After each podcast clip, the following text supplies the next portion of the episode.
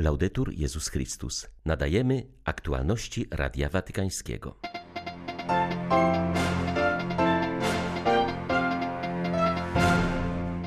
W ramach ogłoszonego przez papieża Franciszka roku rodziny Amoris Leticia powstanie globalny program działań służących promocji rodziny na całym świecie. Indie modlą się o ustanie pandemii. W stołecznej katedrze sprawowano dziś nabożeństwo błagalne, podczas którego zawierzono kraj Najświętszemu Sercu Jezusa i Niepokalanemu Sercu Maryi. Mszą o wschodzie słońca na górze Krzyża w Medjugorju zakończył się 32. Festiwal Młodych. Wzięli w nim udział przedstawiciele 54 krajów ze wszystkich kontynentów. 7 sierpnia witają Państwa ksiądz Krzysztof Ołdakowski i Łukasz Sośniak. Zapraszamy na serwis informacyjny. Z okazji ogłoszonego przez papieża Franciszka roku rodziny Amoris Leticia, dykasteria do spraw świeckich rodziny i życia wraz z Papieską Akademią Nauk Społecznych podjęły proces prowadzący do wypracowania globalnego katolickiego paktu dotyczącego rodziny. Chodzi o program działań służących promocji rodziny w świecie w świetle nauki społecznej Kościoła. Inicjatywa zaangażuje centra studiów i badań nad rodziną obecne na uniwersytetach katolickich pięciu kontynentów poprzez zbieranie informacji i prowadzenie analiz nad znaczeniem kulturowym i antropologicznym rodziny, ze szczególnym uwzględnieniem relacji rodzinnych, wartości społecznej rodziny oraz dobrych praktyk w zakresie polityki rodzinnej na poziomie międzynarodowym. Dokument zostanie przedstawiony w ostatecznej formie przed Światowym Spotkaniem Rodzin w czerwcu 2022 roku. Mszą o wschodzie słońca na Górze Krzyża w Medjugorju zakończył się 32. Festiwal Młodych. Wzięli w nim udział przedstawiciele 54 krajów ze wszystkich kontynentów. Młodym ludziom przez sześć dni towarzyszyła codzienna msza, różaniec i adoracja.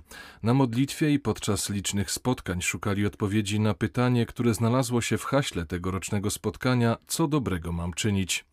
Zaufać Bogu, nigdy nie tracić z oczu Jezusa to najważniejsze przesłanie festiwalu, z którym wracam do domu, powiedziała Radiu Watykańskiemu Ania z Warszawy. Przekrój wieku y, był różny, oczywiście najwięcej było rzeczywiście bardzo młodych ludzi, ale byli też tacy trochę starsi, ale wszyscy na pewno młodzi duchem. Ten festiwal młodych to było takie wielkie, radosne świętowanie naszej wiary, tego, że mogliśmy tutaj razem być, mogliśmy razem uwielbiać Pana Boga Boga, w tym w takim szczególnym miejscu. Takie słowa, które się też przewijały przez, przez homilię, też również przez, przez świadectwa, że jesteśmy wezwani do tego, żeby wierzyć. Wiara to jest takie bezgraniczne zaufanie, tak na 100%, nawet wtedy, kiedy jest właśnie burza na morzu, kiedy pojawiają się jakieś problemy, sytuacje trudne, albo wręcz nie do rozwiązania, że wtedy właśnie pozostaje nam taka głęboka ufność i wiara, że Jezus jest przy mnie w tej łodzi, że On czuwa, że mnie poprowadzi i że mnie z tego wszystkiego, co, co jest trudne, co jest moim problemem, wyprowadzi.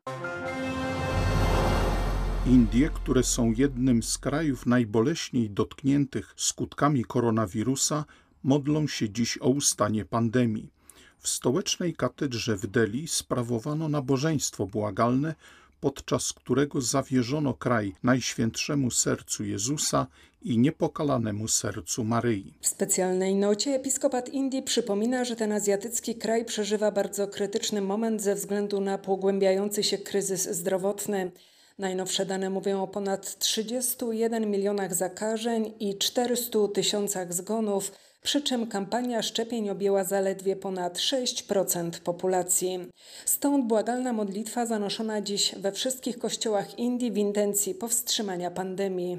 Ponieważ wciąż obowiązują ograniczenia sanitarne dotyczące udziału w liturgiach, msze z katedralnych kościołów transmitowane są online, aby jak największa liczba wiernych mogła modlić się jako jedna rodzina ludzka o zdrowie świata. W Kalkucie wybrzmiała specjalna modlitwa za wszystkie ofiary koronawirusa. Odmówiła ją przełożona generalna misjonerek miłości, które są na pierwszej linii walki z COVID-19. Betlejem ucierpiało z powodu obostrzeń sanitarnych jak żadne inne miasto, uważa ojciec Ibrahim Faltas.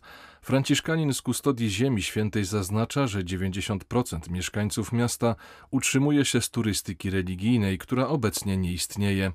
Zakonnik obawia się, że ze względu na biedę i zagrożenie życia chrześcijanie zaczną opuszczać Ziemię Świętą. Jednym z pomysłów na podreperowanie budżetów lokalnych gospodarstw domowych stał się warsztat produkcji tradycyjnego rękodzieła, w którym pracują osoby niepełnosprawne. Pracownia powstała z inicjatywy Franciszkanów i nawiązuje do rzemieślniczej tradycji Betlejem, w którym od wieków powstają szopki i figurki wykonane z drewna oliwnego, przedmioty z masy perłowej oraz ceramika mówi ojciec Ibrahim Faltas. Bez pomocy Kościoła wielu ludzi nie mogłoby tutaj zostać, nie tylko chrześcijan, ale i muzułmanów. Kościół pomaga wszystkim. Większość rodzin w Betlejem nie była w stanie w tym roku opłacić nawet czynszu za mieszkanie. Brakowało wszystkiego. Nadzieję dawała także nasza pracownia rękodzielnicza, która produkuje dewocjonalia i sprzedaje je przez internet. Powstawały w niej figurki, różańce, a nawet kielichy mszalne.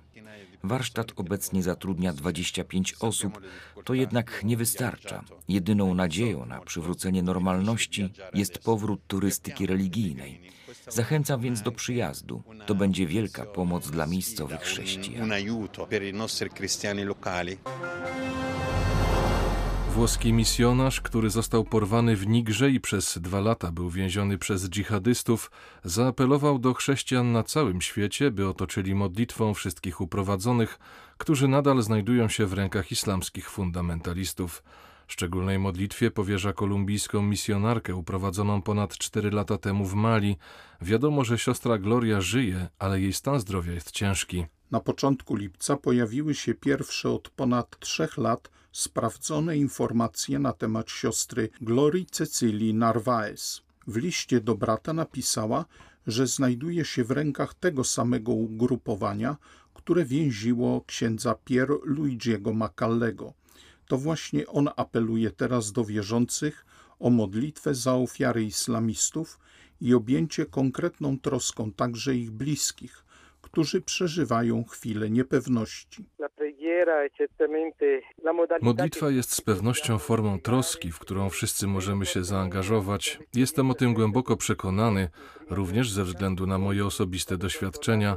Kiedy wróciłem do domu, zobaczyłem tę rzekę modlitwy, która towarzyszyła mi przez ponad dwa lata niewoli.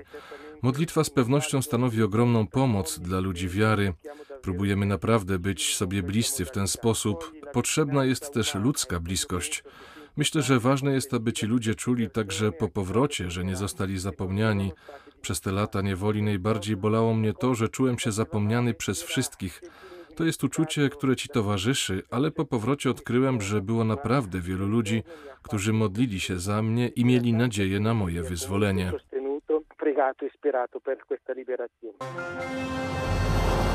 Powtarzające się akty przemocy w nigeryjskim stanie Plateau i systematyczne niszczenie pól prawnych zabijają rolnictwo i grożą głodem miejscowej ludności. Po raz kolejny chrześcijańscy przywódcy zaapelowali do władz o zajęcie się kwestią poprawy bezpieczeństwa w centralnej Nigerii. Zdaniem Nigeryjskiego Stowarzyszenia Chrześcijan, największej organizacji zrzeszającej wyznawców Chrystusa w Nigerii, ataki nie zagrażają jedynie rolnikom, ale są ogromną przeszkodą dla procesu pokojowego w całym kraju. Apelujemy do sił bezpieczeństwa, aby położyły kres tej pladze, która może skończyć się klęską humanitarną. Czytamy w oświadczeniu opublikowanym na stronie internetowej stowarzyszenia. Farmerów atakują najczęściej pasterze, którzy tłumaczą swoje działania odwetem za zabite przez rolników bydło, które wtargnęło na ich pola.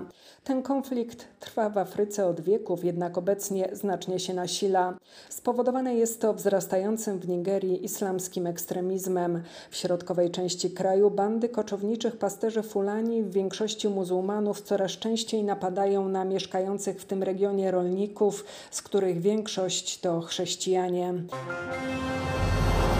Rok temu przedstawiliśmy świadectwo proboszcza parafii świętego Jana Chrzciciela w Bari, księdza Antonia Rucci, który znalazł w oknie życia pozostawionego przez rodziców dziewięciodniowego noworodka. Chłopiec o imieniu Luigi spędził miesiąc w szpitalu i rozpoczął nowe życie.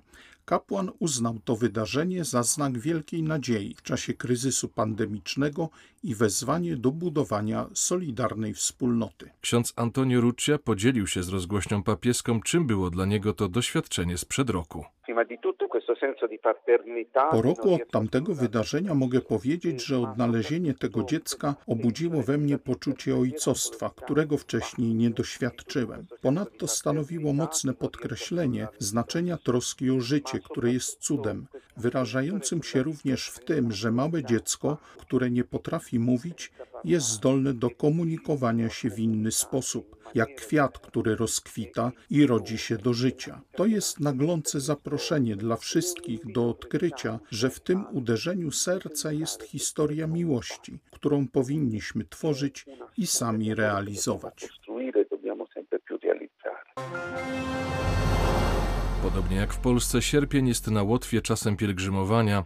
Celem jest Narodowe Sanktuarium Maryjne w Agłonie na wschodzie kraju, gdzie 14 i 15 sierpnia odbędą się odpustowe uroczystości. W związku z panującymi restrykcjami sanitarnymi, podobnie jak w roku ubiegłym, pątnicy wędrują w mniejszych grupach i niekiedy na krótszych trasach. Towarzyszy im modlitwa tych, którzy nie mogli wyruszyć w drogę. Warto dodać, że piesze pielgrzymowanie to nie jedyna forma duchowych ćwiczeń w tym sezonie. W lipcu dużym zainteresowaniem cieszyły się różne formy zamkniętych rekolekcji, odbywanych w milczeniu i z towarzyszeniem kierowników duchowych. Często takie formy skupienia mają charakter ekumeniczny, podobnie zresztą jak i pielgrzymki. Z Rygi dla Radia Watykańskiego ksiądz Tadeusz Cieślak, jezuita. W oczekiwaniu na beatyfikację prymasa Wyszyńskiego. Gospodarka musi być narodowa, bo to jest obowiązek podstawowy ludzi pracujących. Z tego, co człowiek pożywa, czerpie zapłatę. Jest więc jakiś nieład w tej hierarchii wartości, w hierarchii służby dóbr wypracowanych. I to jest problem moralny. To nie jest problem tylko ekonomiczny czy polityczny. To jest problem moralny. Pan Bóg się upomina o prawa człowieka do codziennego życia. Godzien jest pracownik zapłaty swojej. Powtarza nam tak często Pismo Święte. I Chrystus daje przykłady, wspaniałe przykłady o tych robotnikach winnicy, którym trzeba przed zachodem słońca wypłacić należność, bo z tego żyje.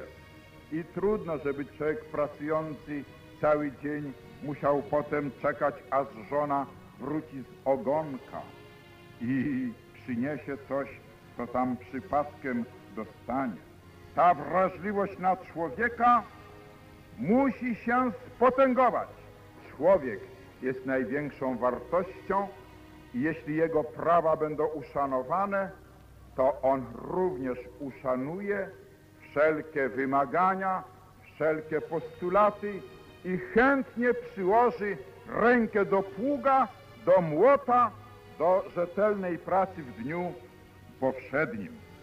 A jeżeli będzie musiał pracować w świętej w niedzielę, to na pewno w poniedziałek z jego pracy nic nie będzie. Były to aktualności Radia Watykańskiego. Laudetur Jezus Chrystus.